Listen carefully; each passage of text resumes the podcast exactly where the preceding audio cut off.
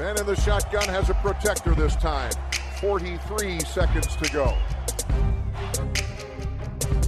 He scrambles around, throws it back corner of the end zone. Santonio with a touchdown! I don't know how he did it! What a throw! What a catch! What a game! No, Mike 43, call 57. That suffocate him! Make him miserable all game long! Get us the ball back! You could love him or hate him, but he was Brad. Hej hej! Du lyssnar på veckans NFL som presenteras i samarbete med GameDay.se. När säsongen är över, Super Bowl-mästaren är korad och vi ska prata om allt som hände i den matchen och lite annat. Men först, hur är läget med dig Lasse? Det är kanonbra. Ljudet är jättebra. Jag behöver inte kolla det i sändning den här gången. Utan nu, eh, du frågar mig om jag verkligen var med här nu. Nu, nu är jag verkligen med. Skönt att höra. Eh, ja, nej, men det är bra. Eh, känner absolut ingen tomhet. Jag har sett, sett en del liksom som vad att göra nu. Nu börjar ju off-season. Off-season är ju är, nu är alla 0-0 där igen och uh, draften och free agency. Ja, jag, jag älskar det. ja, det, det känns okej okay idag faktiskt. Jag kände mig lite, lite nere dagen efter själva Super Bowl. Men, eh, men nu börjar det komma tillbaka lite, lite energi i kroppen. Hur är läget med dig Rickard? Det är bra. Jag känner snarare att man har liksom leg legat på någon sorts typ av överdos av fotboll. För att det varit, jag har haft så mycket fokus på det, pratat så mycket om det, tänkt så mycket på det. Så det ska nästan bli skönt med någon, någon vecka eller två veckors paus innan, man, innan jag också dyker ner i alla de här college-spelarna. Ja visst. Ja, det blir ju så. Det är klart, det blir ju intensivt och eh, säsongen, vi brukar säga att säsongen är kort men den, men den kan också kännas lite lång och när man närmar sig slutet här så, så brukar det vara skönt med en liten andpaus men vi brukar ju inte ta sådär jättelång paus innan vi är igång igen och, och börjar snacka som ni säger, både snacka college-spelare och snacka eh, free agents och allt vad det kan vara. Nej, precis. Jag kände eh, faktiskt att jag hade ett par veckor till i mig här för NFL. Kan det ha att göra med att man eh, Innan situationstecken slapp den här eh, överentusiasmen över försäsongsmatcher i år som eh, jag alltid så jag bränner ut mig de två första veckorna. Jag kollar alla försäsongsmatcher med alla lag liksom för att jag har gått och, och väntat så mycket och så är jag så här, vecka 16 är jag bra trött alltså. Men eh, jag känner att jag har nog en, en, två veckor till i mig. Ja, synd att du inte får det då. ja, nej, eh, jag, jag, ty jag, tycker försäsongen, alltså det, jag tycker det hör till ändå. Det är skönt med den uppladdningen, även fast matcherna, jag, jag är likadan som dig. Jag, jag försöker liksom se massor av matcher och varje gång jag tittar på en match så, så undrar jag alltid varför jag, varför jag tittar på det. För att det är liksom eh, relativt meningslöst och alla starters går av efter två minuter. Eh, men ändå på något sätt så, så vill man se det. Ja, ja, man har ju gått och väntat så länge. Eh, men, men ja, man kanske skulle ta till sig eh, ett nytt, lära sig att dreja eller löda trä eller någonting istället. Precis där i början av, eller i mitten av augusti. Det är smidigt. Mm. ja, hörni, eh, än ska vi inte checka ut för off-season för vi ska ju faktiskt eh, prata lite grann om vad som hände i årets Super Bowl såklart och eh, Tampa Bay Buccaneers vann ju den matchen i slutändan 31-9 mot Kansas City Chiefs och Eh, Eh, jag skulle säga så här att vi eh, ofta sitter vi länge och det är en lång eh, uppladdning inför den här matchen. Alltid en extra vecka och man sitter och nästan överanalyserar. Eh, och sen så kommer matchen och så är det inte så mycket som händer riktigt eh, som, som man hade tänkt sig. Eller det brukar ofta vara så när, när det känns som att alla är överens om någonting. Men i den här matchen så tyckte jag ändå att många av de sakerna som man hade pratat om inför var de grejerna som avgjorde och sen blev ju matchbilden en helt annan tror jag än vad någon hade sett framför sig. Men det kändes ändå som att det som man hade pratat väldigt mycket om som riktiga nyckelfaktorer eller viktiga saker som skulle, skulle hända i den här matchen och så skulle avgöra den var de grejerna som också hände sen. Jag känner kanske att vi inte riktigt lyssnar på oss själva. Eh, när vi samtliga tre brände väl av och trodde på Kansas City när vi liksom hade strykit under att det är oerhört jobbigt med den här eh, offensiva linjen med backuper och det är ju jätteövertag för Tampa Bay både på offensiva och defensiva linjen. Men vi drog till med liksom att Kansas City, du var väl den som var mest eh, eller närmst att tippa över på backa ner sen Mattias men eh, våra kära gäster eh, lyssnade mer på sig själva och, och körde mer Tampa än vad vi gjorde. Man fastnar, ju så lätt, man fastnar ju så lätt i den här Mahomes-magiken och tänker att de kommer liksom lösa det ändå. Alltså, det, hur mycket problem man än listade upp så kände jag hela tiden att ja men det är ingen fara. De kommer hitta ett sätt att vinna det här. För det har de gjort ända sedan de vann Super Bowl i förra året. Ja. Mm. Nej, jag håller med. Ja, det visste du så. Och eh, man brukar ju säga att matchen vinns och förloras på, på linjen. Eh, men eh, som du säger Lasse så trodde man ju någonstans att Chiefs coachingstab, Patrick Mahomes och, och alla duktiga skillspelare de, de har i sitt anfall framförallt skulle kunna hitta ett sätt att lösa det där på även fast man hade underläget där. Men det gjorde man ju inte i den här matchen och sen så var det ju såklart en del saker som hände här som gjorde att kanske matchen blev mer ojämn än vad den kanske skulle bli om de spelar den här matchen flera gånger om. Eh, lagen är ju inte riktigt så ojämna som slutresultatet blev här. Men det var ju ganska tydligt att det, att det klart bästa laget, eh, i alla fall den där söndagen, den här söndagen, eh, vann den här matchen. Buccaneers var ju faktiskt relativt överlägsna eh, en större del av matchen. Och sen också då att kanske en del 50-50 grejer studsade deras väg gjorde att de tog ett stort överläge och släppte aldrig det egentligen och höll det matchen igenom. Nej, och det här så att 50-50 lägen studsade deras väg. Någon flagga de fick med sig som de andra inte fick med sig. Det, det kan man ganska enkelt vifta bort för jag såg ingenting liksom som, som uh, Chiefs var bättre än, än vad Tampa Bay var. Så att uh, inget snack om att Buccaneers från uh, pant till eh, vad vet jag, linebackerspel så var Buccaneers betydligt mer på tårna eh, än, än eh, Chiefs var i söndags. Ta, blev tagna på sängen kändes som det känd, var inte den här känslan som man har att ja, men det här kommer de lösa när som helst utan bara ja, liksom en större och större oro över att fan de kommer de, kommer, de tappar ju bara mer och mer och mer och mer och mer och mer istället för att man liksom, ah, ja men snart, nu kommer det här stora spelet och så kommer det vara match igen. De, har, de kommer slänga in två touchdown här på liksom varsin serie som är under en minut och sen så är det match igen. Ja men precis så. Det, för de här tidigare matcherna mot Houston och allt vad det har varit som de liksom har hämtat ikapp. Eh, så har man hela tiden liksom, man, man har känt det så alltså nästan nonchalant eh, har man suttit där liksom och tänkt att ja, ja, ja, ja, ja, det spelar ingen roll, de tar ikapp. Men inte nog att, eller som du säger, nu gjorde de inte det, men man kände ju verkligen att nej men idag gör de inte det. De, de har inte ens tendenser till att uh, ta ikapp. Det blir ett större gap helt enkelt. Så ja, det tyckte jag man kände väldigt tidigt.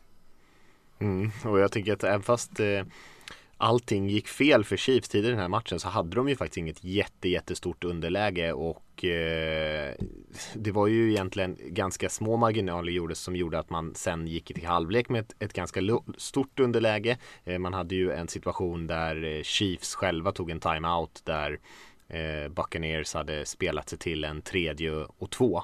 Eh, och och eh, det var bara jag tror att man hade 40 sekunder kvar eller något sånt där i matchen. Eh, eller i första halvlek och, eh, och Chiefs tog den timeouten där och gav Buccaneers egentligen en ny chans då att hålla sin serie vid liv och så gjorde man en touchdown på den serien. Eh, precis som man lyckades göra en, en sen touchdown mot, eh, mot eh, Green Bay Packers veckan innan och gick in i halvlek med en, med en jätteledning. Där, jag, där kände jag i alla fall att Chiefs sköt sig själva i foten lite grann eh, och eh, också en del slarv såklart på, på plan, inte bara i besluten. Eh, som, eh, det, där trodde jag fortfarande att Chiefs skulle ha en god chans att vända det ändå. Eh, men när man släppte den touchen och sen så kom ut som man gjorde på, i början på tredje kvarten då kände man ju verkligen det som ni säger där att eh, det blir bara djupare och djupare det här hålet. Mm det du säger lite så här förklätt är att hade de haft Pete Carroll som tränare så hade de vunnit detta. Hålla sig till planen, inte chansa, ligga med i matchen och vara med där i slutet av fjärde och vinna. Han har definitivt inte tagit en timeout där i alla fall. Det, det, kan, man, det kan jag säga med säkerhet. Ja, nej, det var lite väl kaxigt kanske. Men, men om man ska ta den stora övergripande liksom penseldragen här får man väl ändå säga att eh, Brady och anfallet spelar såklart bra. Brady blev ju MVP, slutade ju med, jag tror han hade 128 i passer rating, tre touchdowns, spelade ju väldigt bra såklart, nästan 80% completions. Men den stora storyn från den här matchen är ju ändå vad Todd Bowles och Tampa Bay Buccaneers försvar lyckades göra mot Kansas Citys anfall. Eh, de gjorde inte en enda touchdown i den här matchen. Eh, och och eh, såg ju eh, helt skakad ut skulle jag säga från nästan som du, som du sa Lasse, från första panten till slutsignalen eh, så såg man riktigt skakad ut av det här Buccaneers försvaret. Ja, och Mahomes springer ju för sitt liv. Du, eh, du har ju varit lite aktiv här på Twitter och twittrat ut de här grejerna från bland annat Next Gen Stats där de visar att han liksom scramblade för 496 yards under matchen. Så det säger ju en del om hur mycket liksom han rent panikartat behövde springa ifrån Bucks pass rush. Och som de lyckades få press trots att de Alltså ett, ett, lag som blitzar, de har blitzat tror jag 40, strax under 40 procent av alla spelen och, så, och eh, i Super Bowl så är de det nu bara 10 procent och ändå lyckas de få sån här press för att de får det med sin front 4. Ja, det är en sån fin kombination här Alltså, kudos till Todd Bowles som du säger att han eh, vågar ändra om i, i, sitt försvarsspel. För de spelar ju egentligen inte det försvarsspelet som de har gjort större delen av de matcherna jag har sett i varje fall när de skickar mycket blitz som du säger Rickard. Utan mm. Eh, ändrar om och, och, ligger på eh, djupt och disciplinerat med, med cower, eller med, med eh, markering bak i planen. Och inte slänger upp massa spelare på blitz utan ändrar alltså att spela kallt utan få press med Eh, eller utan blitz. Och, det ska ju Todd Bowles ha jättemycket beröm för men, men eh, spelarna ska ju också ha skitmycket cred för det. Eh, Med Chuck Barrett och linebacker-paret och Vita Vea i mitten och allt vad det är som skapar detta åt Todd Bowles. Han, han behöver ju inte på något sätt ändra tillbaka till som de har spelat innan när han ser att spelarna sköter sig bättre än vad jag någonsin tror han kan ha trott att de skulle göra. Så att Eh, beröm ska såklart till eh, coachingstaben men, men spelarna i Tampa Bays försvar ska ju ha minst lika mycket tycker jag. De gör hans jobb lätt. Visst är det så. Och du nämner ju några där som är alltså, Det är ju en koll, vi satt ju och diskuterade Kan man ge den här MVP eh, Utmärkelsen till någon annan än Brady? Kan det vara någon från försvaret? Och kom väl nästan fram till gemensamt alla som var med och diskuterade Att det var ganska mycket av en kollektiv insats. Det var så många spelare i det här backa ner försvaret som spelade bra. Så det är svårt att ge det till någon av dem. Vi pratade om Devin White som spelar en jättebra match. Levante David bredvid någon linebacken också. Gör en eh, jättematch. Eh, Shaq Barrett, jag tror att han hade åtta pressures i den här matchen, sex bara i första halvlek och var ju totalt monster, Vita V också, hela defensiva linjen egentligen. Och det är ju när man har ett försvar sådär, det är svårt att säga egentligen en enda spelare som spelade dåligt i Tampa Bays försvar. Jag, jag, kan inte komma på någon just nu. Då är det klart att då, är, då har man gjort en väldigt, väldigt bra insats, varit väldigt, väldigt väl förberedda och det är ju cred både till spelarna och till coachingstaben och så att jag var ute och twittra lite grann var eh, lite grann kring hur de har lyckats, lyckades få den där pressen. För även fast de inte blitzade så mycket så var de ändå ganska kreativa med vad de gjorde med sin defensiva linje. Spelade bland annat Vita Vea och Ndama Kong Su som är deras eh, centrala tackles ute på ändpositionerna och höll på att mixa runt lite grann för att skapa förvirring för den här offensiva linjen i Chiefs som egentligen inte hade en chans i den här matchen. Nej, precis. Och, och, och det snyggt av Todd Bowles att få in det med. Men återigen då ska V och eh, så lyckas med det också. Gå ut och göra saker som lite utanför deras trygghetszon. Eh, inte för att de är helt eh, okänd mark när de spelar mer på en. Men att de gör det så pass bra eh, på, klart de har tränat på det innan, men på ganska kort träning. De har inte lagt större delen av säsongen på utsidan de två och tränat. Så att återigen så är det en sån här kollektiv eh, där allt klickar till 100%. Tycker du Mattias att man eh, borde såga Andy Reid i det här fallet då? För att jag tänker mig att så som Tampa Bay spelar med att de har sina eh, safeties djupt, jättedjupt, det är ju ett sätt att liksom utmana dem att ja men vi kommer stoppa era ett passningsspel, det är liksom det som är fokus. Eh, så spring bollen på som ni törs. Eh, och sen när de flyttar ut Vita Vea till exempel på, på en ändposition, då är de ju försvagade centralt. Och det är också egentligen ett sätt att utmana Chiefs att med spring här då. Men eftersom att de inte har gjort det tidigare under matchen, då vågar de ju göra den här typen av konstiga paket. Borde kanske Reed, eller liksom, borde Reed ha sprungit bollen mer eller gjort, attackerat de här svagheterna som uppstår? Eller, för nu känns det ju som att han lät Bucks försvar diktera liksom eh, matchen på något vis. Mm. Ja, alltså det är svårt skulle jag säga, alltså, tycker jag. Alltså de eh, är ju ett betydligt starkare passningslag i vanliga fall och, de, och sen så hamnar de också i ett stort, stort underläge mot ett anfall som eh, de heller inte lyckas stoppa med sitt försvar och då är man ju i en mm. ganska tuff position för att springa bollen mycket. De kommer ju ut tycker jag i, i, i den här matchen sen när de, jag tror också de, jag tror de precis som alla som tittar på den här matchen, även fast man såg och vi pratade om det också att det var ett stort överläge för Tampa Bays defensiva linje så tror jag inte att någon riktigt hade förutspått att de skulle dominera så här mycket. Eh, Mahomes är ju mer press i den här matchen såg jag någon statistik om eh, än någon quarterback någonsin har varit i någon Super Bowl. Eh, och eh, jag tror inte riktigt Andy Reid hade tänkt att det skulle vara så illa. Så när de kommer ut och så tror jag de blir lite chockade och ni pratar ju en del om deras screenspel och att de är väldigt bra på det. Eh, och jag satt och kollade lite om matchen här och då såg jag att de kallade flera av sina liksom, screens som de brukar vara väldigt bra på, som brukar funka bra eh, tidigt i matchen. De hade tre screens i första kvarten på sina första serier där och ingen av dem fungerade överhuvudtaget. Fick inte ens fram passningen för att pressen var så pass snabb att de inte ens hann kasta screenpassningar. Och sen så när de väl kommer ut sen då, då springer de ju bollen lite mer. De springer med bollen med Edward Selaire några gånger. Det funkar ganska bra eh, och man eh, försöker också eh, sätta in någon extra tackle, någon extra tight end och spela på och försöka hjälpa sin offensiva linje lite grann. Eh, och det funkar okej, okay, men till slut när man hamnar i en ganska tuff, alltså när man hamnar i en uppenbar tredje down, en uppenbar passningssituation eller försöker liksom eh, höja tempot för att ta sig in i den här matchen igen. Ja, men då är Buccaneers linje tillbaka igen och ger samma nivå av press. Så att jag tror att de försöker justera under den här matchen, men spelarna på plan eh, klarar helt enkelt inte av att hantera Tampa Bay-spelare. Men, men eh, nu sa du att de satte in extra eh, Olan eller extra. Gjorde de verkligen det? För det tyckte jag också var, jag läste det någonstans i efterhand och, och noterade under matchen också. Med en så eh, reserv eh, betonad offensiv linje så lämnar ju Andrew Reid de själva väldigt, väldigt, väldigt mycket. Inte ens en blockerande tight end. Kelsey jobbade inte med det så mycket i matchen och, och de satte inte in någon running back som heller gjorde det jobbet så mycket utan de fick klara sig själv de fem där. Så att han, han gav ju inte dem mycket hjälp eh, när det ganska tydligt syntes tidigt att de behövde just hjälp, framförallt tacklesarna. Eh, så jag, jag fick känslan av att han inte gjorde sitt jobb kanske 100% där när han såg det. De hade Nej, jag, 92... kan absolut, jag kan absolut köpa, köpa, att de kunde ha gjort det mer. Men de gjorde det mer än vad de gjorde i början av matchen sen i alla fall. Ja, alltså använde både lite running backs och receivers såg jag försöka chippa liksom putta till pass rushen ja, lite grann så de kom lite ur rytm.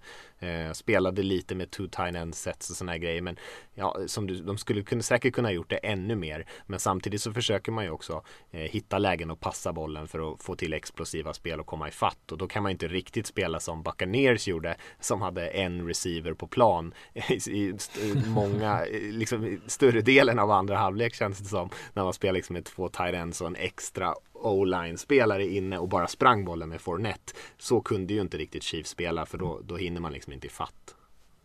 Nej. Vad sa du Rickard? På 92 procent, jag vet inte om du såg samma som jag, på 92 procent ja. av sina offensiva spel så hade de bara en, en five man protection, alltså att de inte hade extra leaderspelare ja. inne. Mm. Eh, och sen precis som du är inne på Mattias, så det är, inräk, är det inte inräknat om man har ett tight end som chippar eller running back som chippar innan de springer ut sina routes. Eh, men, här, det som jag tänker typ, är intressant med det här och jag, jag tänker så mycket på Rams när de eh, spelade Super Bowl mot Patriots och deras anfall också på något sätt bara totalt stoppades i att man har lagt liksom alla sina ägg i en korg. Och det har ju Chiefs egentligen också gjort att de har lagt allting i att de ska vara ett superexplosivt passoffensiv.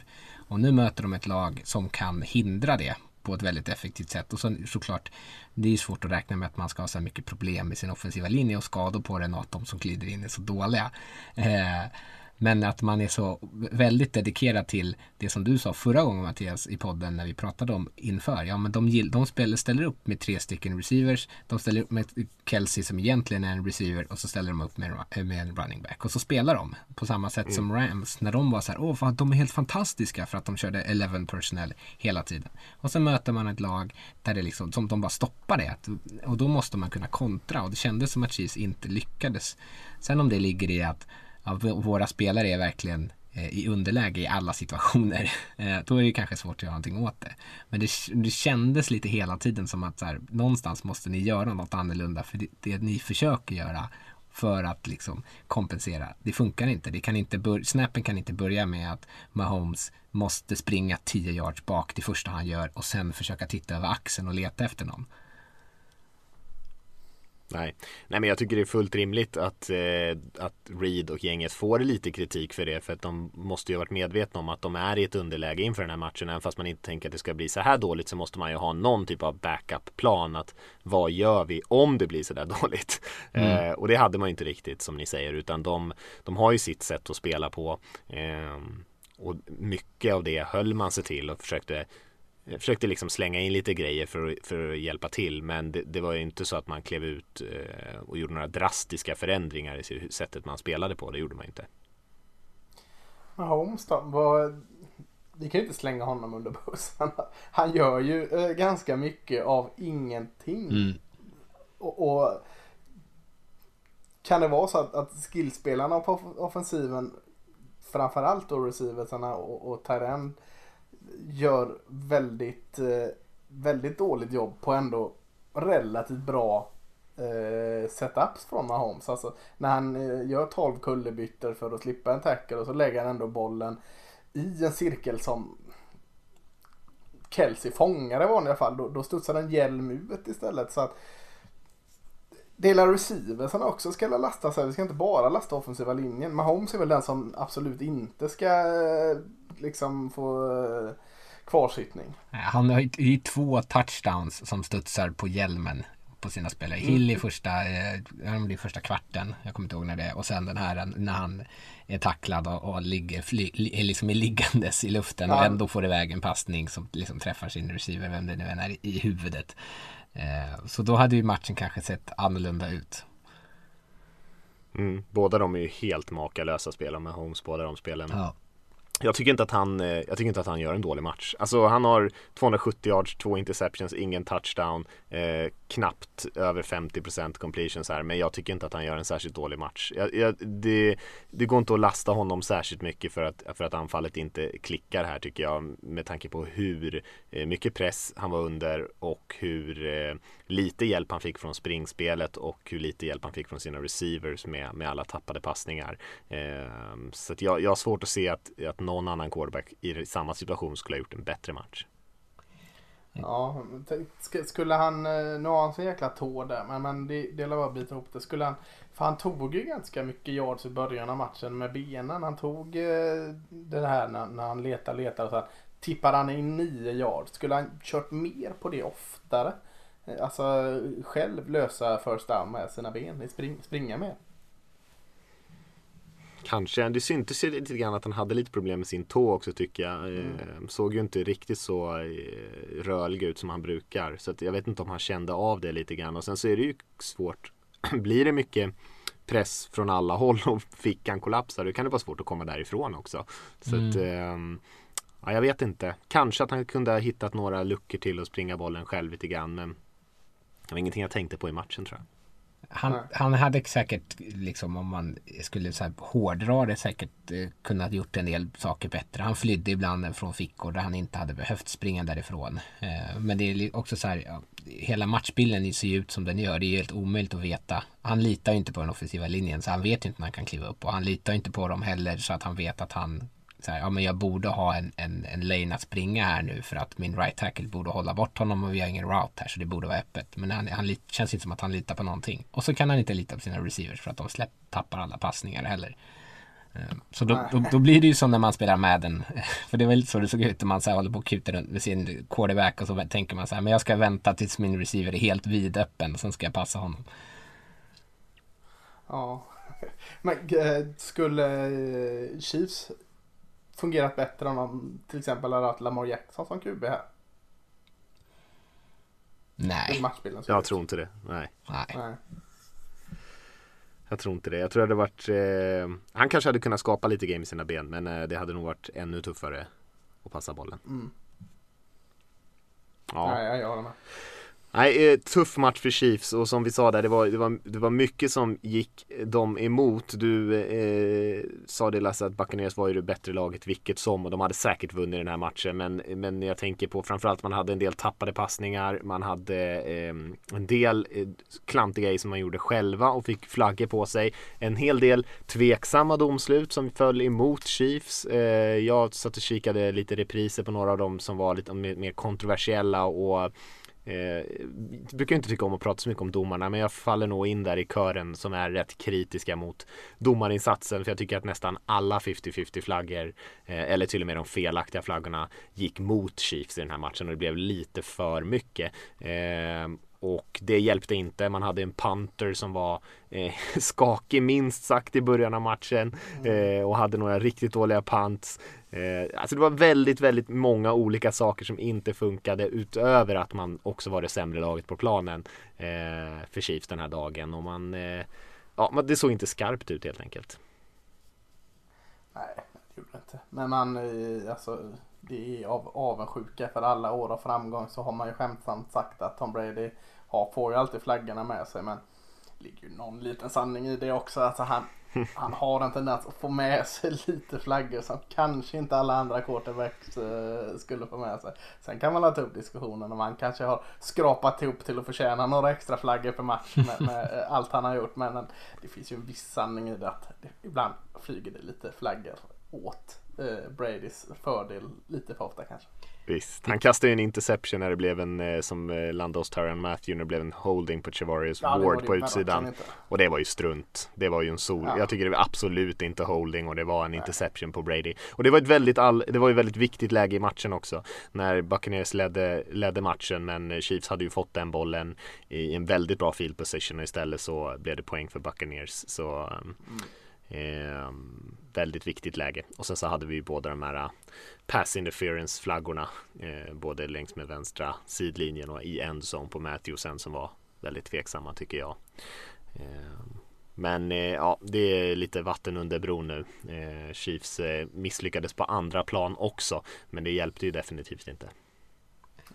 Det svider ju alltid lite extra när det känns som att man har, när man liksom kan peka ut en sån tydlig, alltså ja, om man nu tycker att alla de där är fel. Men som Chiefs-fan så kan jag tänka mig att man tycker att det var helt horribelt. Så det känns, så är det liksom ännu jobbigare att så här, kunna bara, nej vad fan det är domarens fel. Uh, gud vad dåligt. Då är ju ganska tråkig smak i munnen liksom att lämna säsongen med. Ja visst, och det var inte domarens fel. Det, det, det vill jag vara tydlig med att jag tycker i alla fall inte det. Men eh, Ja, nej, jag kan förstå att man kan köpa kanske någon av de där lite tveksamma eller 50-50 men, men allihopa på en gång. Eh, det skulle jag nog också vara rätt besviken över tror jag om jag höll på Chiefs. Eh, vad ska man mer säga om själv, den matchen? Ja, jag kom på mig själv med att eh, jag tyckte det var lite smyg eller lite småmysigt att se Tom Brady vinna. Det har jag nog aldrig gjort innan så, så fint, så vinna en ny klubb och allt sånt. Och så kom jag på mig själv att varför sitter jag och tycker om det här? Liksom, så att, eh, inte riktigt van vid att stå. Jag gillar, gillar ju Tom Brady i, i alltså som, som fotbollsspelare fin, finns ju eh, knappt något bättre liksom att ta upp. Men eh, när det är en sån dominant spelare och har varit ett sånt dominant lag så är det ju naturligt att man nu får det vara nog med hans jäkla framgång. Nu vill vi se något annat. Men, men jag kände inte riktigt det. Så jag kände ja, det är ju fint, eh, fint eh, inramning med att han får ytterligare en, en Super Bowl-ring och ha, ha mer ringar än något annat lag genom tiderna. Liksom. Och, ja, jag känner mig inte riktigt bekväm med det. Nej, jag, förstår, jag, jag myste inte riktigt lika mycket. Men hade det varit Nej. i Patriot så hade man ju kräkts över sig själv i soffan. Ja. Det här var ju i alla fall lite fräschare. Eh, fast det var kanske bara lite dregel nu då. Det är ju kul för Bruce Arians i alla fall. Ja, det är verkligen, ja. absolut. Det finns ju många spelare i, tycker jag, i Buccaneers som, eh, som är rätt goa och som man kan unna det här. Eh, Brady att han tar sin sjunde ring det vet jag inte om jag tycker att han är värd riktigt men, men han är, alltså. det är uppenbarligen imponerande såklart och som du säger fler, fler mästerskapsringar än någon, he, någon organisation i NFL har han alltså passerat alla lag vilket är eh, ganska absurt. Som hela hans karriär är ganska absurd. Om vi ska eh, vara lite sådär neggiga eh, mot Brady det ska man väl kanske inte vara han förtjänar all respekt han får men som någon lyfte här i vår lilla Slack-grupp så de två senaste eh, Super Bowls som Brady har vunnit så har ju motståndaranfallen inte gjort någon touchdown. Eh, så det är ju inte bara Brady som vinner den här matchen och det har vi pratat mycket om idag med Tampa Bays försvar att det kanske var det som var storyn även fast Brady spelar bra. Eh, men det gäller ju att ha de där studsarna och det blir man ju också lite Eh, för jag vet att det pratas om inför den här matchen så pratas det om att det är, det, det är liksom geten, the greatest of all time här, Brady mot hans arvtagare Mahomes och, och man, diskussionen har varit lite grann, kan, när kommer Mahomes eller kan Mahomes passera Brady som the GOAT? Eh, och den diskussionen tycker jag är intressant för man tar så mycket för givet att Mahomes, han kommer spela 5-6 Super Bowls eh, och han kommer vara här hela tiden och kan, kan han vinna 7 Super Bowls som Tom Brady? Eh, och den där diskussionen tycker jag är lite sådär risky alltså för man vet inte Alltså, det är riktigt. Man vet inte riktigt om han någonsin kommer dit igen faktiskt för det är så Nej, små alla tar det marginaler. för givet. Ja men han kommer ju vara där uppe så det är ju ingen fara för Mahomes lät ju lite kom eh, kommentarerna. Liksom. Han kommer vara det. Helt sinnessjukt. Kommer han spela tre Super Bowl till så är det ju jättestort. Det är helt otroligt. Jag skulle säga Ja. osannolikt. Skulle man kunna spela Ja. emot det så skulle jag spela emot det. alltså, ja, och då, att han då ens skulle spela tre. Fem, att han har varit, precis, och då är han uppe att han har varit med i fem och kan då max vinna fyra av dem och inte ens nära Tom Brady. Och då är det ändå sjukt, sjukt jäkla imponerande. Så att nej, det, det, jag reagerar också på det att det var jäkligt konstigt. Man Jag tänker samma... när Aaron Rodgers Ja, var på sin precis. peak i sin ungdom. Då pratar man ju om Aaron Rodgers, jag får säga på samma sätt som Patrick Mahomes. Så han har inte spelat någon Super Bowl på, eh, vad är det nu, sen de var där. Men det måste vara, ja det är snart sedan. tio år sedan. Ja, Han har och inte spelat några Super Bowl sedan han var där. Det, det, han har inte jag- spelat någon Super Bowl sen de vann den då. Eh. Så det är ju inte, det är absolut inget givet att Patrick Mahomes ens kommer tillbaka till Super Bowl någon gång och eh, troligtvis kanske han, han har, han har god chans att göra det skulle jag säga men, men man, som vi ser i den här matchen det, det går inte att Eh, hur bra man än är så är det svårt att eh, överkomma ens omgivning och skulle han hamna i lite tuffare förutsättningar eller ha lite oflyt några gånger så så kan det ta lång tid innan han spelar Super Bowl igen. Eh, hur bra han än är. Så att den diskussionen med vad som händer med hans framtid och sånt där. Den, den skulle jag i alla fall vara lite försiktig med att säga med säkerhet på att han kommer vinna massa Super Bowls i sin karriär. Det, det har man sagt om många som inte har gjort det. Och den där diskussionen har verkligen så här, jag minns, minns när de vann den Super Bowlen så kom, så här, ett satte sig fast i minnet av någon podcast jag lyssnade på. De satt och diskuterade så här, ja men okej, hur många Super Bowls kommer han kunna vinna? Och så skulle de så här lista upp andra quarterbacks. Ja okej, men han kommer om Rodgers vinner, vi kanske säger att han vinner tre till då. Eh, och så kommer, så kommer Breeze vinna minst en. Och så Roethlisberger kommer vinna minst en. Och Brady kan, kommer vinna en till. Och så satt de och listade alla de här. Så bara, fast det är bara, det är bara Brady av de här som, de, som de nämnde då för tio år sedan som var garanterade att vinna en, en titel. Så det är bara Brady. Nu har han förstört, han förstör ju för allihopa. Men det är ju att det är liksom bara han som har vunnit. Sen är det ju massa andra QB som man liksom inte räknar med som kommer från liksom var som helst. Ja. Eh, tänkte på en annan sak. Eh, hur var det förresten med i Tampa Bays kicker Ryan, Ryan Suckup? Var han inte med i, i Tampa Bay 2019? För Vet jag såg någonstans att alla, alla poäng som togs av, det kanske var undantag Suckup, eh, togs av spelare som inte var i organisationen 2019, alltså för ett år sedan. Eh, med eh, Tom Brady då, ja, om man, hans pass räknas som poäng. Eh, Fournette, Antonio Brown, Rob Gronkowski. Eh, det var spelare och betonar också att vi, vi pratar, vi kom in i det om några avsnitt här eh, om draften som vi bygger upp så in i helsike. Men just vilket bra jobb. Tampa Bay, skitbra jobb i draften också. Det är många av de här spelarna som har varit tongivande där som de har draftat de senaste åren. Men hur viktigt det faktiskt fortfarande är med att träffa rätt i free agency. Eh, eller bara plocka upp spelare från, från waiver. Eh, som, som är inne och eh, är en stor del i att vinna Super Bowl för dem. Det, det tycker jag är ganska fräckt. Mm. Visst, och hur viktigt det är att kanske också satsa när man ser att man har chansen. Eh, som det här laget har gjort också och tagit in eh, bara fyllt på mer och mer och mer och mer skillspelare. En, en hel del på kanske vissa chansningar som kanske inte alltid har gått hem. Men men andra som kanske har bidragit i vissa matcher.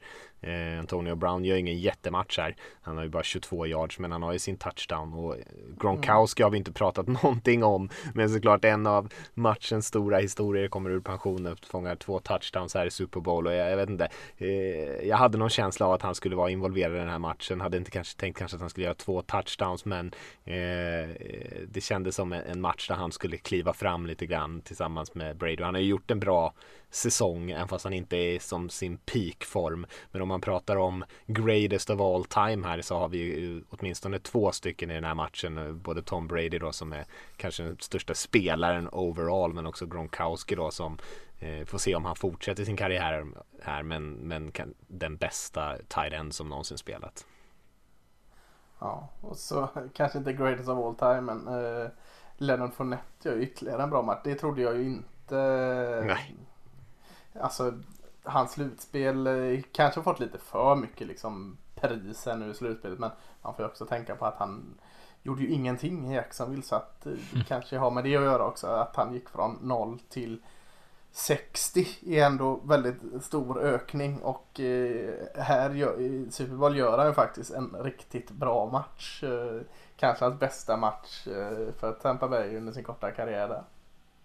Mm. Och ofta på spel tycker jag där det var inte blockat så jäkla bra eller där Chiefs hade det ganska bra nedstängt och han eh, eh, improviserade några spel på utsidan och plockade upp de stora yardsen där.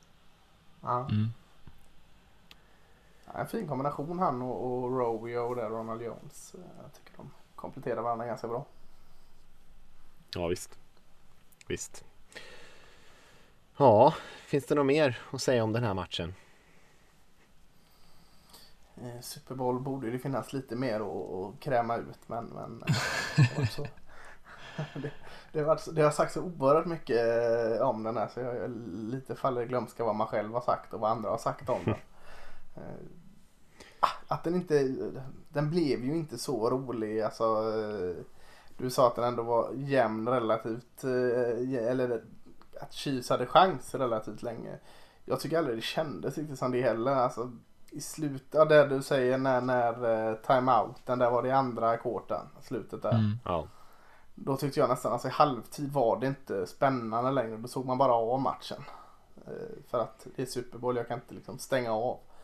Eh, jag tyckte inte det var spännande då. Den var avgjord i halvlek. Ja, jag hade jag lite hopp kände i varje fall att den var avgjord. Jag hade lite Ja. hopp kvar för att Chiefs skulle få tillbaka bollen där men sen så lyckades de inte göra någonting och sen gjorde ju Tampa Bay en ny touchdown. Och då var det ju definitivt eh, eh, relativt dött för mig. Nej, jag håller helt med dig. Det var inte alls en så bra match som vi hade hoppats på tror jag. Eh, det finns en del saker intressanta att prata om i den här matchen som vi har gjort här också med Bowles och försvarets jobb och allt det där. Men eh, som en match, som underhållningsvärde, eh, ojämn, eh, slarvig, eh, mycket flaggor. Eh, så var det inte en särskilt bra match överhuvudtaget. Nu vänder du. Ja. inte särskilt bra match överhuvudtaget.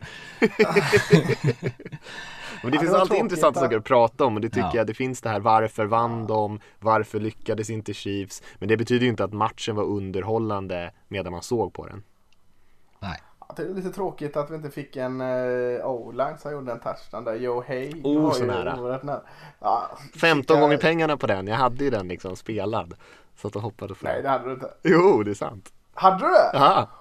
Nej fy fan. Jag fick skämmas lite som gammal Olen. Han var ju, det var ju verkligen sådär att han skulle inte fångat en medicinboll ens. Alltså, Det var så oerhört klumpigt. Springer routen jättebra. Gör sig öppen. Gör sig till. Händerna är ju där. Sen är det ju bara att han tänker inte på att han har ett huvud liksom när han ska fånga. Uh, det var så nära men ändå så långt ifrån på något sätt. Det det måste ju hinna gå så här tusen tankar i huvudet på en. Så här bara, jag är en O-line. Ja, det är Super Bowl. jag får gör en, en touchdown i Super Hur Bowl." ska jag Ja, han har- Och sen så bara, Han har ju signaturmelodin i huvudet Ja. när han liksom innan Ja, ja, ja. Nej. Första klippet på Hall of Fame-presentationen tänkte han. Ja, precis. Ja, det var Ja, synd det var synd faktiskt. jag. Det var synd. Ja, nej, eh, jag vet inte om det finns så mycket mer att säga som ni säger där. Det var ju ett par spelare i Chiefs som var besvikelser här. Tyreek Hill eh, var ju osynlig stora delar av matchen. Eh, det var ju egentligen allt gick igenom Kelsey och sen var det lite garbage time yards till resten av spelarna. Chiefs försvar. Eh, ganska osynligt i större delen av matchen.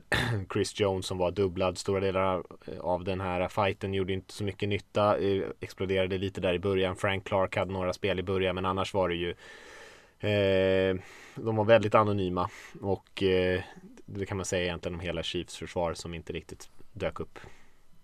Och Daniel Sorenson fick inte en interception. Var inte ens nära. Oerhört tråkigt. Det var synd faktiskt. Det var synd. Eh, ska vi Ska vi lämna den eller har vi något mer som vi vill säga? Nej, vi kan lämna det. Ja, vi lämnar det.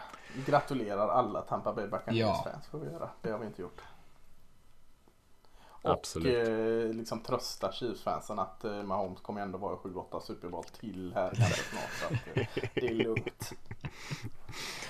Ja, det är en, eh, det här är helt off topic här, eller inte riktigt helt off topic, men lite grann. Men du sa ju det där att vi ska ju snart prata lite grann om free agency och draft och allt sånt där. Och eh, det kommer ju bli en väldigt intressant eh, nästa säsong av olika anledningar med tanke på vad som händer med lönetaket och sånt där.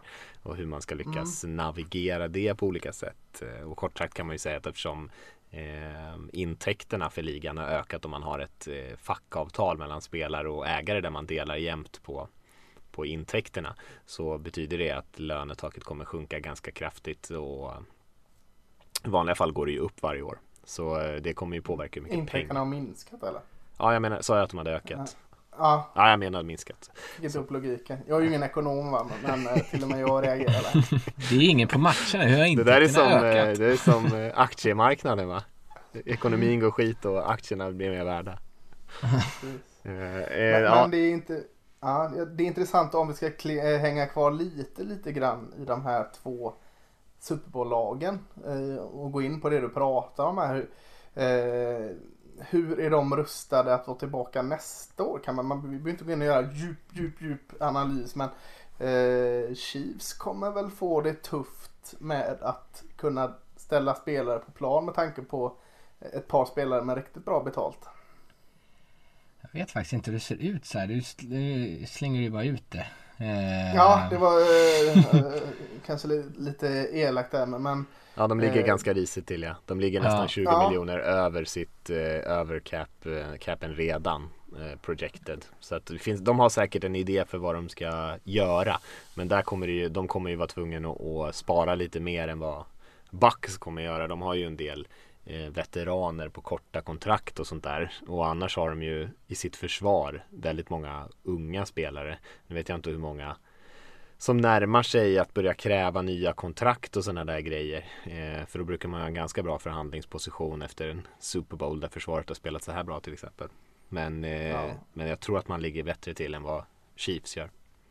Ja, för att säga det, det kan, kanske är större chans att eh, Tom Brady får chans att, att ta hem åttonde ringen än vad Patrick Mahomes är där och, och försöka få sin andra redan nästa år eller? Ja, Kanske.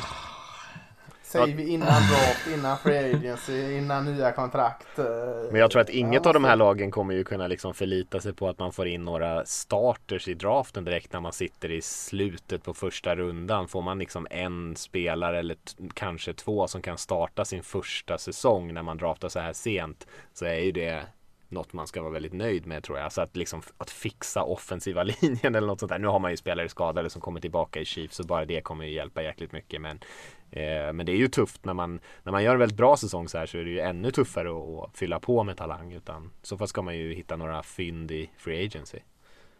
Mm. Men jag skulle tro att båda har en hyfsad chans ändå att ta sig tillbaka eh, nästa säsong. Och eh, får se hur länge Tom Brady ska hålla på egentligen. Då, då är han ju 44. Mm. Eh, nej men precis. Jag, jag, tror eh, det tar nog ett tag till. Även att Chiefs kommer få slimma ner sin trupp. De kommer inte ha råd att behålla alla de de har nu och de kommer ha svårt att fylla på med, med, med stjärnglans. Så tror jag, eller ganska övertygad att de kommer vara där uppe ett tag till. Och eh, Tempa som eh, inte gick spikrakt till Super Bowl. Eh, var väl ett tag det knappt kändes som att de skulle till slutspel. Känns väl också som att det är ingen, ingen liksom kris eller ko på isen där än heller. Det, båda ligger väl ganska bra till att eh, vara med om det om ett år, år igen. Stryka under att det är oerhört svårt liksom att komma Ja, till slutspel. precis. Men, men, men, men eh, slutspel, då är man ju med i det säger jag. Alltså god chans på slutspel för båda. Ja, det, det är det. Ja, och det om jag skulle säga för Bucks del så är det nog kanske ännu e- enklare än vad det var förra säsongen. Med tanke på att eh, Breeze troligtvis lägger av. Man vet inte vad som händer med Saints riktigt i den egna divisionen och sånt där. Eh, medan Chiefs kanske får det lite svettigare i sin egen division. Det får vi se lite grann. Men eh, jag skulle ju tro att båda kommer vara med och slåss om de här toppseedsen i sin respektive konferens. Och då är man ju verkligen med om det. Sen som du säger, vilka som tar sig till Super Bowl. Ja, det är ju lite Ja, av ett lotteri. Precis. Mm, eh, vi, eh, vi lämnar Super Bowl lite grann för nu är vi ändå känns som inne lite grann på framtiden. Och vi tänkte ju att vi skulle prata lite om vad som händer under den här off-season. Men vi, vi kan börja med en annan grej. Eh, för de delade ju ut också lite priser som jag tycker vi bara kan nämna i alla fall till eh, årets, eh, de som har presterat bäst den här säsongen. Och det gjorde man ju dagen innan Super Bowl va, var det väl eh, NFL Honors som det kallas. Mm. Det var väl digitalt så jag såg det faktiskt inte eh, live den här gången eller så. Har inte sett själva galan. Men priserna kan vi väl nämna. Vad, Lasse, har du någon koll på vilka som tog hem de här prestigefulla grejerna? Mm. Jag måste bara flika in det. Det är också dagen innan väl när eh, de som blir invalda i Hall of Fame får nyheten va? Just det. Ja, Eh, tänkte fråga Rickard där, grät du lite eh, när Woodson fick det där? eh, jag grät inte nej. Eh, men jag har i alla fall tittat Nej. på när Charles Woodson tilldelas och sen så har jag ju såklart gl- glatts över att Tom Flores också kommit in. Så två Raiders som kommer in i, i Hall Ja. of Fame. Så det känns bra. Nu kommer Raider. Eh, ja, när priserna MVP, eh, alltså mest värdefulla spelare, vann ju Aaron Rodgers. Kanske inte jättekonstigt. Eh, kändes väl om man, om man kollar på innan säsongen, innan matcherna började spelas så hade jag nog inte tittat på Aaron Rodgers med tanke på att han var väl relativt mycket upp och ner 2019. Så, men, Mm. men som säsongen har sett ut så tycker jag inte det är jättekonstigt. Eh, Runner-up där var ju Patrick Mahomes och trea. Eh, kanske största utropstecken Josh Allen, quarterbacken i, i Bills. Eh, tre QBs som du ofta ser där uppe. Jag skulle säga två av dem, det är lite kul, två av dem inklusive Roger skulle jag säga men även Allen var, skulle jag säga inte ens var med i diskussionen om MVP-kandidater inför säsongen. Rodgers är ju alltid, han är ju ett stort namn men han var ju absolut inte en av favoriterna. Nej, så, så det är roligt. Eh, QB, QB eller högst eh, rankad som inte är QB är då running back Derek Henry från, från eh, Tennessee. Och, och det var väl mindre överraskande att han skulle vara med där. Eh, offensiv spelare eh, blev ju då Derek Henry etta, Aaron Rodgers tvåa och Stefan Diggs ytterligare en, en bildspelare. De, de eh, samlar in bromspengar här. Känns inte heller jättechockerande den trion där va? Nej. Nej. Eh, återigen är det om man kollar innan säsongen eh, Stefan Diggs eh, utropstecken precis som Josh Allen där Bills har verkligen haft en fin offensivt år. Eh, defensiv spelare kanske den minst eh, chockerande är ju Aaron Donald eh, som alltid. Eh, TJ Watt, det är ny Watt som dominerar NFL, tvåa och så trean där, det är Forrest Buckner i- i Colts som de bytte till sig från 49ers. Lite överraskande, det har varit jättebra men roligt. Mm. Ja, det Mm. så trodde man inte riktigt att han skulle få så mycket röster ändå. Alltså, jag menar, det är klart att han varit bra, men jag menar, vi pratar ändå om en, en, liksom en springspelsförsvarande defensive eh, lineman lite grann. Han är ju bra på mycket saker, men, eh, men inte så sexigt kanske som, som Watt och, och Donald. Nej, secondaryt får ju inte mycket kärlek. Alltså Sevian Howard som vi har pratat om en Ja, del, precis. eh, konen i Miami, sexa bara. Och, och Jalen Ramsey som, som alla pratar gott om jämt med, med goda anledningar sjua. Så att eh, secondaryt har inte lätt att, att komma upp där. Nej. 10 interceptions har ju Howard i år och han är liksom ändå inte ens topp 5. Det är ju Ja, det, Nej. är, det är Galet. faktiskt lite katastrof. Ja, det är lite, lite dissande mot secondary tycker jag. Det håller jag med.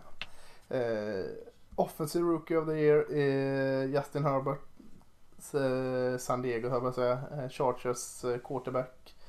Tvåa receiven i Vikings, suveräna Justin Jefferson. Och, och delad tredje plats har vi eh, haltande kuben i Bengals Joe Burrow tillsammans med late bloomen om man får säga så. Han kom igång i andra halvan av säsongen, running backen för Colt, Jonathan Taylor.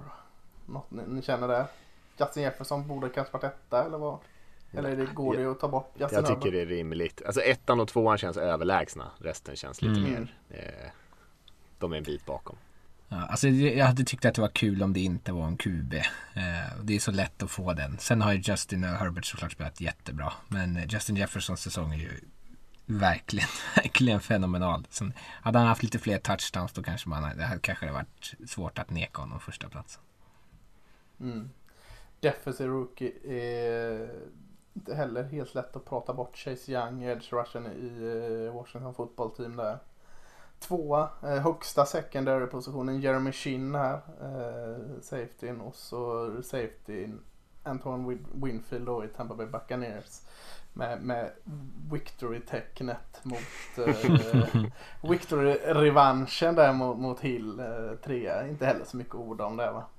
Nej, Nej, kul med två safeties. Alltså jag tycker Shin och Ja. Winfield är väldigt roliga spelare också. Så att, eh, ganska Ja. kul eh, lista tycker jag. Det är, Young som du säger var kanske inte så oväntat. Men, eh, men ändå kul spelare som tryckte sig in där. Det är inte de högst draftade spelarna direkt som är tvåa och trea.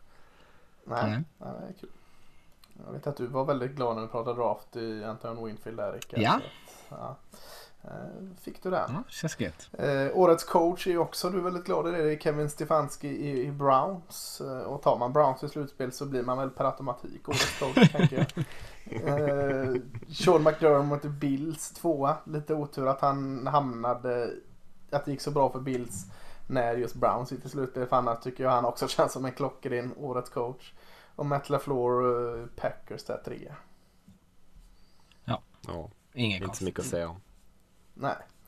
Eh, comeback player of the year är också, känns väldigt eh, självklart. Det är Alex Smith med sitt hemska benbrott. Eh, han gick inte in och dominerade ligan direkt men bara att han gick in på en plan igen är, är ju en självklar comeback-historia. Det var ungefär vad man sa Eh. va? Om man bara liksom Bara han kliver i uniformen och går ut på plan så kommer han vinna det och det var ungefär så mycket han gjorde. Precis. Och det, det är väl, de- var väl de som delades ut tror jag va? Ja, sen är det väl lite så här Ja, men det blev ju massa av och sponsrade måste- och lite andra Mm. sådana här grejer. Ja. Förutom du får inte glömma Russell Wilson som vann Walter Payton Man of the Year.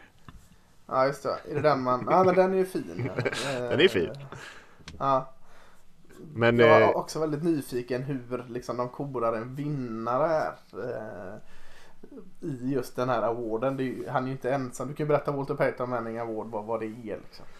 Ja, nej, men det är ju den som har gjort mest off the field som man säger. Eller det, ja, mest så är det ju sällan. Men det är en spelare i NFL vinner det priset. Varje lag nominerar ju varsin. Så att det är ju egentligen till skillnad från de andra kategorierna så är det ju liksom 32 nominerade där. Och sen är det ju någon som vinner den och eh, Ja, det, det, är ju, det är ju omöjligt att mäta de här olika insatserna mot varandra. Det Men vad har lite han gjort mest? Liksom? Köpt flest bilar eller hoppat hopprep mest gånger? Eller vad menar du med det är välgörenhet för det mesta. Ja. Eh, De gör så grejer, men bra att du säger det faktiskt. Ja. Jag var inte så tydlig där. Men, eh, men just med Wilson är det väl lite så här lifetime achievement grej. För han har ju hållit på med eh, Seattle Children's Hospital sen första dagen han draftades egentligen och varit där varje vecka. Eh, I alla år han har spelat. Så att det är väl därför han får det, inte just för vad han har gjort det här året. Nej, men jag tänker den känns så oerhört... eh, Kan inte alla de... Ja, de får ju ha sin lilla sån där eh, patch på tröjan va? Mm, jag tror det. de som, men går det verkligen att mäta detta priset? Alla de här är, gör ju oerhört mycket både ekonomiska bidrag och liksom fysiska appearance för att liksom skänka glädje. Det känns, känns svårt att mäta den här tävlingen. Så, så alla de här är, är goda. Men, men, det är klart att Russell Wilson förtjänar det. Men det kanske, eh, vad vet jag, Lions eh, spelare också gör. Alltså det, ja, det, det, det är omöjligt att säga vem som, vem som borde vinna. Men det är också omöjligt att säga att någon, att någon inte förtjänar att vinna. Nej precis. Exakt. Eh, Men jag, ofta är det ju en, de säger ju att det är en kombination av spel på plan också. Så att ofta är det ju en kändare spelare. Jag tänker ja. Eli Manning har vunnit. Jag tror att Calais Campbell vann förra året. Så det är ofta mm. spel. Det är, det är ju så här, ett par lag, lag nominerar ju sina punters. Det var ju no, kul, något lag nominerar ju någon spelare som de sen hade kattat. Så att han var ju Det liksom var Jaguars tror jag.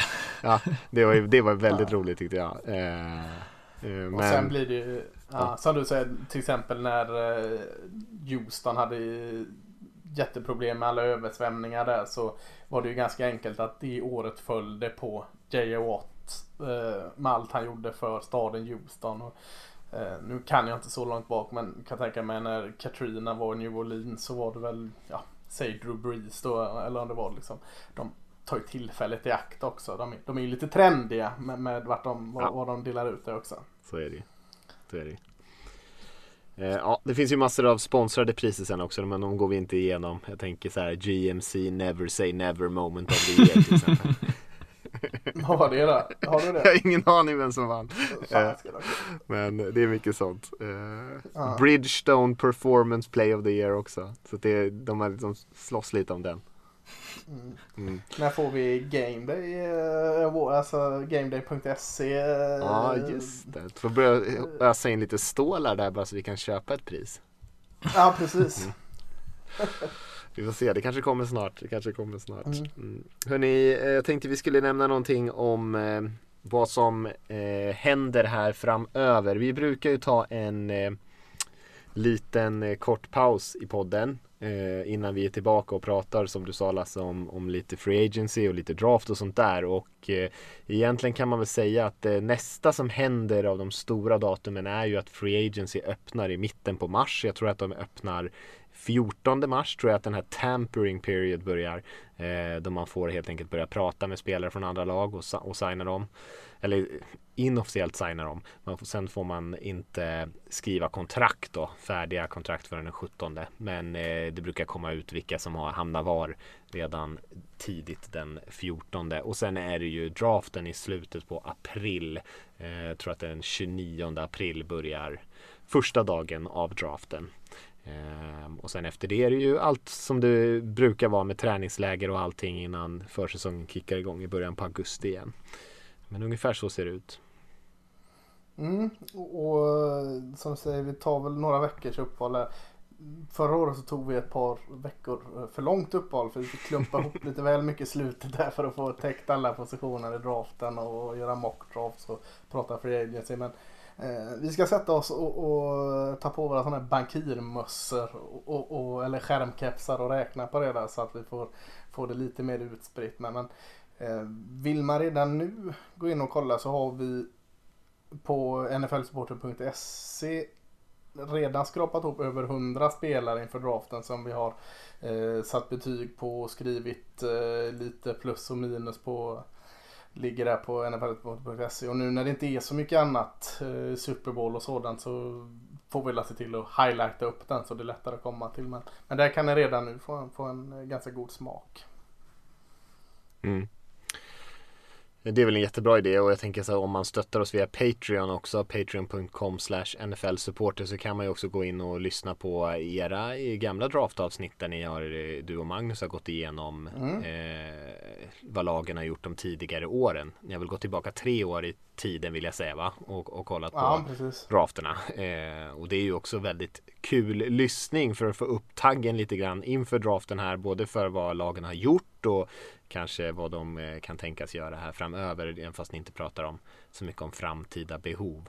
Eh, men det kan ju vara ett sätt att, att fylla dagarna här när vi har lite uppehåll. Men eh, vi, som sagt, vi är ju relativt snart tillbaka i planen i alla fall. Exakt när, det är mm. kanske lite svårt att säga just nu innan Lasse har tagit fram det stora Excel-arket och börjar räkna baklänges. Precis. Men vi kan väl säga i alla fall ett, eh, ett stort tack till alla lyssnare tycker jag som har varit med och peppat oss under den här säsongen och lyssnat, skickat in frågor och, och eh, bara varit sådär allmänt engagerade så man faktiskt får lite energi att göra det här varje vecka. För även fast vi tycker att det är kul så tror jag inte vi skulle prata riktigt så här mycket NFL-fotboll tillsammans. Eh, I alla fall inte eh, på eh, bestämd tid om eh, inte det fanns människor där ute som faktiskt eh, lyssnade och, och eh, hörde av sig lite då och då. Nej, det är fantastiskt roligt och uh, eh, fortsätt skicka in frågor och eh, vill ni som sagt vara med i Patreon där så får ni också vara med i eh, vår, vår eh, chattgrupp där. Det är fantastiskt roligt att, att prata med er alla och, och lyssna och lära sig och, och allt detta. Så eh, hade jag haft tre tummar så hade alla de varit i vädret nu. Med de orden så eh, säger vi tack för oss eh, för den här säsongen och så börjar vi nästa säsong om två veckor typ. Eh, men det får vi se när vi är tillbaka. Men eh, vi hörs snart igen. Så ha det bra där ute. Ha det bra. Ha det.